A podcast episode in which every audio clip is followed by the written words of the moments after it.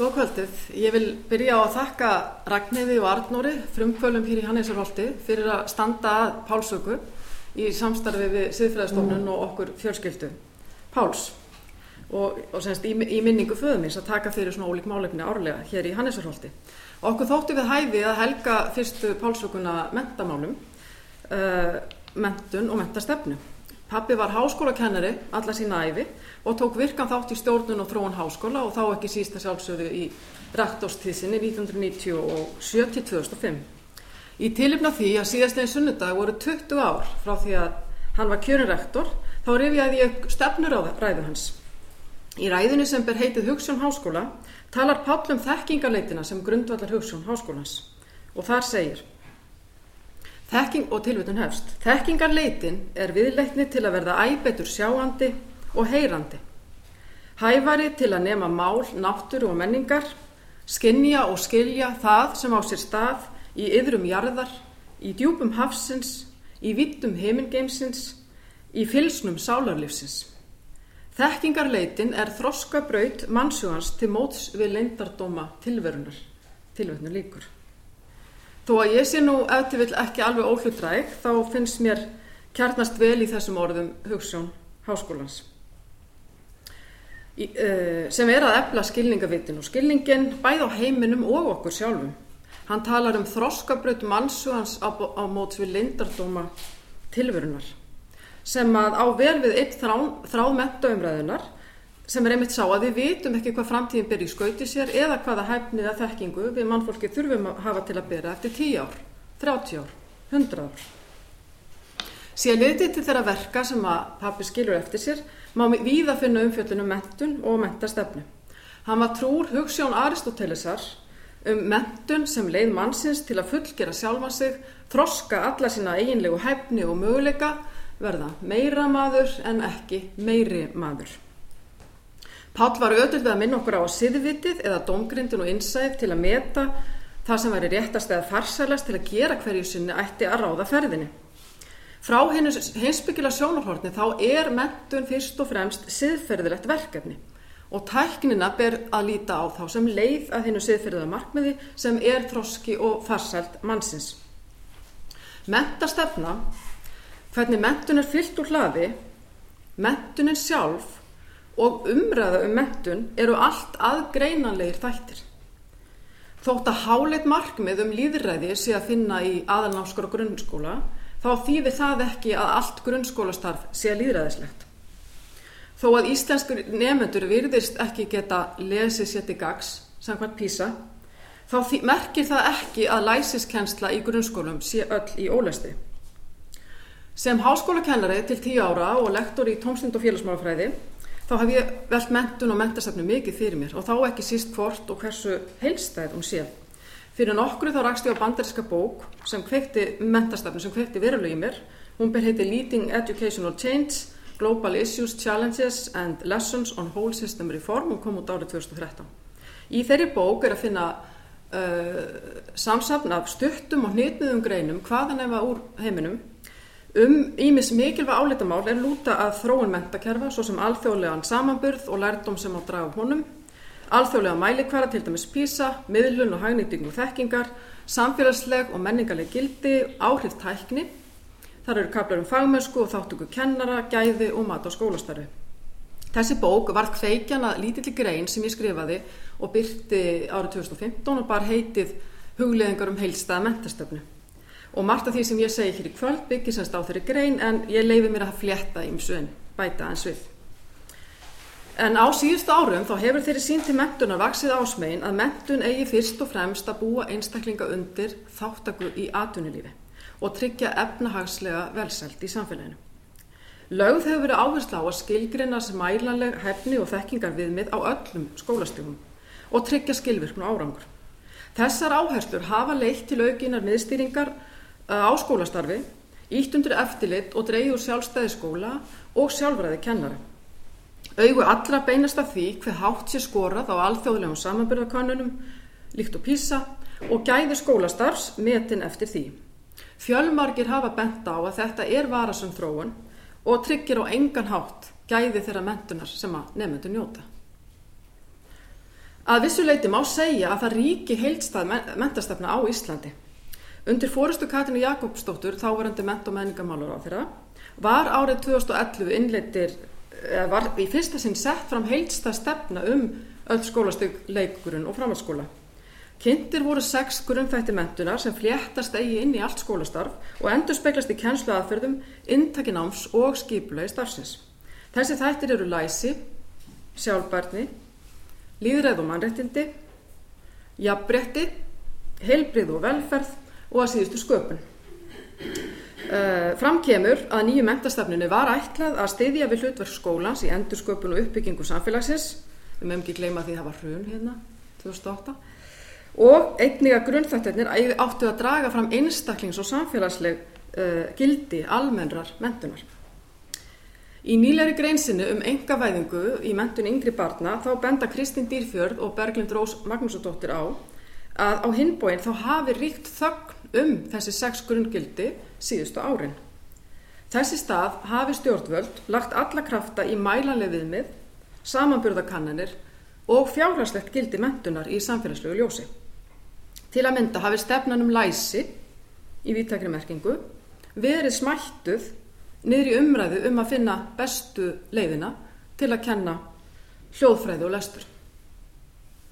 Þannig eru, má sjá, skiptar skoðanir á því hver vel gengur að innleiða og framfylgja þeirri stefnu sem byrtist í aðalnámskan. Raunin er svo að ákvæmlega fáar heildstæðar ansóknir eru til á innleiðingu mentastefnu. Í greininni minni þá nefni ég ími stæmi sem að áhuga sem að geta kynnt sér setna betur en til að mynda var nýlega kynnt niðurstöður umfánsmikillar ansóknar á starfsóttum í grunnskóla, 20 grunnskóla tóku þátt, þar sem meðal hans var leita svaraði því hvernig stefnumörkur ríkis byrtist í skólastarfi. Meginuðustofu voru þær að ofinberi mentastefna væri að miklu sín, leiti sínilegi ytri umgjörð skólastarfs en, tilveitnun, ákvæði í lögum og stefnumörkun um kennsluhætti, einstaklismiða nám, sjálfstæði og áhrif nefnda og þáttöku, beina þáttöku fóreldra í skólastarfinu virtust ekki hafa gengið eftir. Tilveitnu líkur. Þannig getur verið flókið að greina mentastefnu og hvað þá að meta árangur hennar. Hér á Íslandi hefur um nokkuð skeið verið fyllt skólastefnu sem að nefnist skóli án aðgreiningar. Í henni fælst að öll börn eiga hafa rétt á aðgang og námi í sínum hverfi skóla og að það sé komið til mótsvið tilvötnun, náms- og félagslegar þarfir nefnda í almennu skólastarfi með manngildi, líðræði og félagslegt réttlæti að leiðaljósi, tilvötnu líkur og þetta eru lögum um grunnskóla. Árið 2015 skilaði starfsópur á á menta og menningamálaráðanettis skýrslu þar sem greina átti hvernig til þeir tekist að innlega þessa stefnu. Niðurstaða starfsópsins eftir tveggjára vinnu var svo að, tilvötnun, greining umfram það sem skýrsla þessi dregu fram um hvernig til hafi tekist með framkvæmt stefnu um skóla án aðgreiningar hér á landi sé nánast ómöguleg á grundvelli fyrirlikjandi gagna. Færa má rauk fyrir því að stefnu um skólan aðgreiningar hafi korki verið skilgrend, nýja innleitt með nægilega skipuluðum hætti hér á landi. Tilvötnu líkur. Í kjölfarið var Evrópumeistöð um mentun án aðgreiningar fenginn til að vinna úttækt á framkvæmt stefnunar. Niðurstofur voru meðal annars þær og þær voru kynntar bara núni í mars að innan samfélagsins sé uppi ólíkur skilningur á því hvað skólastarf án aðgreiningar sé og að huga uh, fjárveitingar skortir til að tryggja jafnbræði og, og stiðja við slíkt starf og að huga þurfu betur að mentun og starfstrón fagfólks. Í áruna rás hafa ymsir góðu kollegar mínir og það er meðal ekki síst Dóra Bjarnason yðurlega bent á þessi atriði sem hér voru greint. Og ánægilegt er að segja frá því að fyrir nokkrum dögum var uh, gefin út viðamikil bók sem ber heitið Skóli margbreytileikans, mentun og manngildi í kjölfar Salamanca. Í bókinni fjalla fræðiminn og fagfólk á sviði mentavísinda um þau fjölmörgu álitamál og verkefni sem eru óvinnun á þessu sviði og óska ég aðstændum bókana innilega til hamingju. Ólaf Páll, einmitt einn af þeim. En hvað er það sem stiður við farsalega innleðing og mentastefnu? Við hljótum að áætla að hér skipti fagmennska kennara miklu máli og ekki síður að mentastofnunum sé tryggður starfsgrundur og stuðningur til góðra verka. Önnur nýlega bók sem ég vil nefna um fagmennsku í skólastarfi kom út ára 2013 fjallar einmitt um á heilstæðan hátt ólíka þætti sem styðja við fagmennsku, svo sem um hlutverk kennara, um þróun lærdómsamfélaga, skólamenningu, stjórnun og fóristu og þar var einnig að finna kabla um hlut nefnda í skólastarfi. En mikilvægt er að hafa í huga að mentun er ekki á ábyrg kennara engung, heldur samfélagsins alls, foreldra, stjórnvalda og almennings. Þessir ólíku og fjölmyrku hagsmunu aðilar og ekki síður nefnendunum sjálfur þurfa að eiga skýra aðkomi að mótun mentastafnu, að innleiðingu hennar og þróun og mótun starfsins sjálfs. Ég tel mjög mikilvægt að við endurvekjum með öflugum hætti hinn að heilstæðu sína mentun og að við gefum einni gætur að því öfluga starfi sem á sér stað á vettfangi tómstund og félastarfs. Því sem rannsangandi á því sviði þá veit ég að þið óformlega nám sem á sér stað innan félagsmjöðstöða fyrir unglinga, frístundaheimila fyrir yngri aldursópin skiptir gríðarlega miklu máli og er hluti af mentun þeirra. Í slíku starfi gefst börnum og ungmennum kostur og að efla félags- og siðfyrirstróska sinn. Þau fá að njóta auki sjálfræðis, þau hafa val á milli viðfársefna og fá að læra að bera ábyrð á ákvörðun sínu. Ég hef verið talsmaður þess undanfæðin misserið að efla samþætta sín á nám og þá einhvern á samstarfmiði leikskóla, grunnskóla og frístundaheimila. En í frístundastarfi er sérstakur gaumin gefin að þeim þáttum sem lúta svona allega þroska, virkni og þáttöku barna. Ef vel er að verka í staðið þá getur slíkt starf átt mikilvæg þátti því að þroska skapgerð barna og ungmenna sem er einmitt grundvallar þáttur í hérna, mentun í hinnum eiginlega skilningi. Til að skapa skóla ánagreiningar, til að skapa fjölbreytt og sveinlegt námsumhverfi sem gerir á fyrir virkri þáttöku nefnda þá þarf samstarf fjölmagra aðila og hagsmunnaði aðila eiga sér stað. Síðan litið til sérstaklega til hlutverks grunnskólans þá má sjá að hlutverskans hefur gjörbreyst og innan hans starfa nú fjölmarkar fagstjættir. Ég held að þessi rétt á mér að helmingur starfsfólk grunnskóla er ekki grunnskólakennara heldur aðrir aðlar, annað fagfólk og, og starfsfólk. Ég hef talað fyrir því að tómstundafræðingar verði auknum mæli ráðnirinn í grunnskóla til að efla áherslu á félagslega þátt skólastars og gæði þess félags- og tómstundastar sem þar á að vera í bóði samkvæmt grunnskólanum. En uh, umræða um íslenska mentastöfnu virðist að mörguleiti vera á sömu nótum og alþjóðlu umræða. Það er kallað eftir alvarlegri ígrundun um markmiðmentunar og það hafa vaknað áhyggjur vegna mikillar áherslu og alþjóðlega mælikvarða sem er að meta mjög afmarkað þætti námsins en hafa afgerandi áhrif á skólastarfið.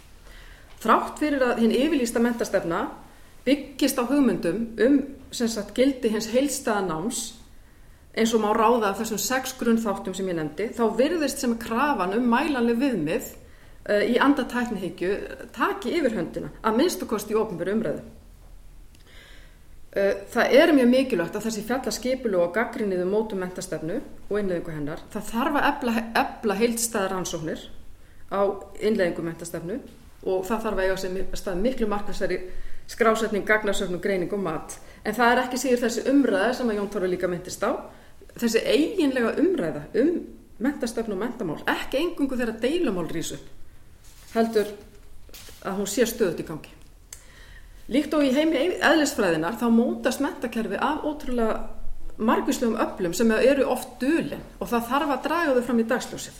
Ég teldi mjög spennandi að sjá íslenska bók sem, að, sem væri verið að takast á það mentastöfnum með stuttum köplum, líkt og þessi bandariska sem ég las, sem kreikti svona í mér og hérna uh, til að mentamála yfirvöld eigi semst að setja kerfinu stefnumið og skapa skiliði fyrir öflugt og gott fagstarf.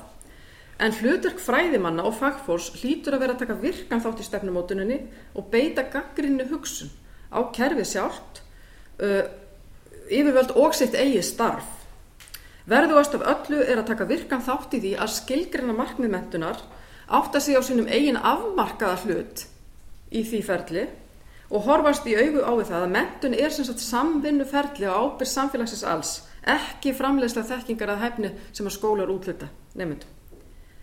Eh, við pappi, ég er alveg að klára, við pappi vorum samála því að það skipti líkilatrið að nefndur upplöðu tilgang í námi sínu og að vera þáttakandur í, í eigin mentun.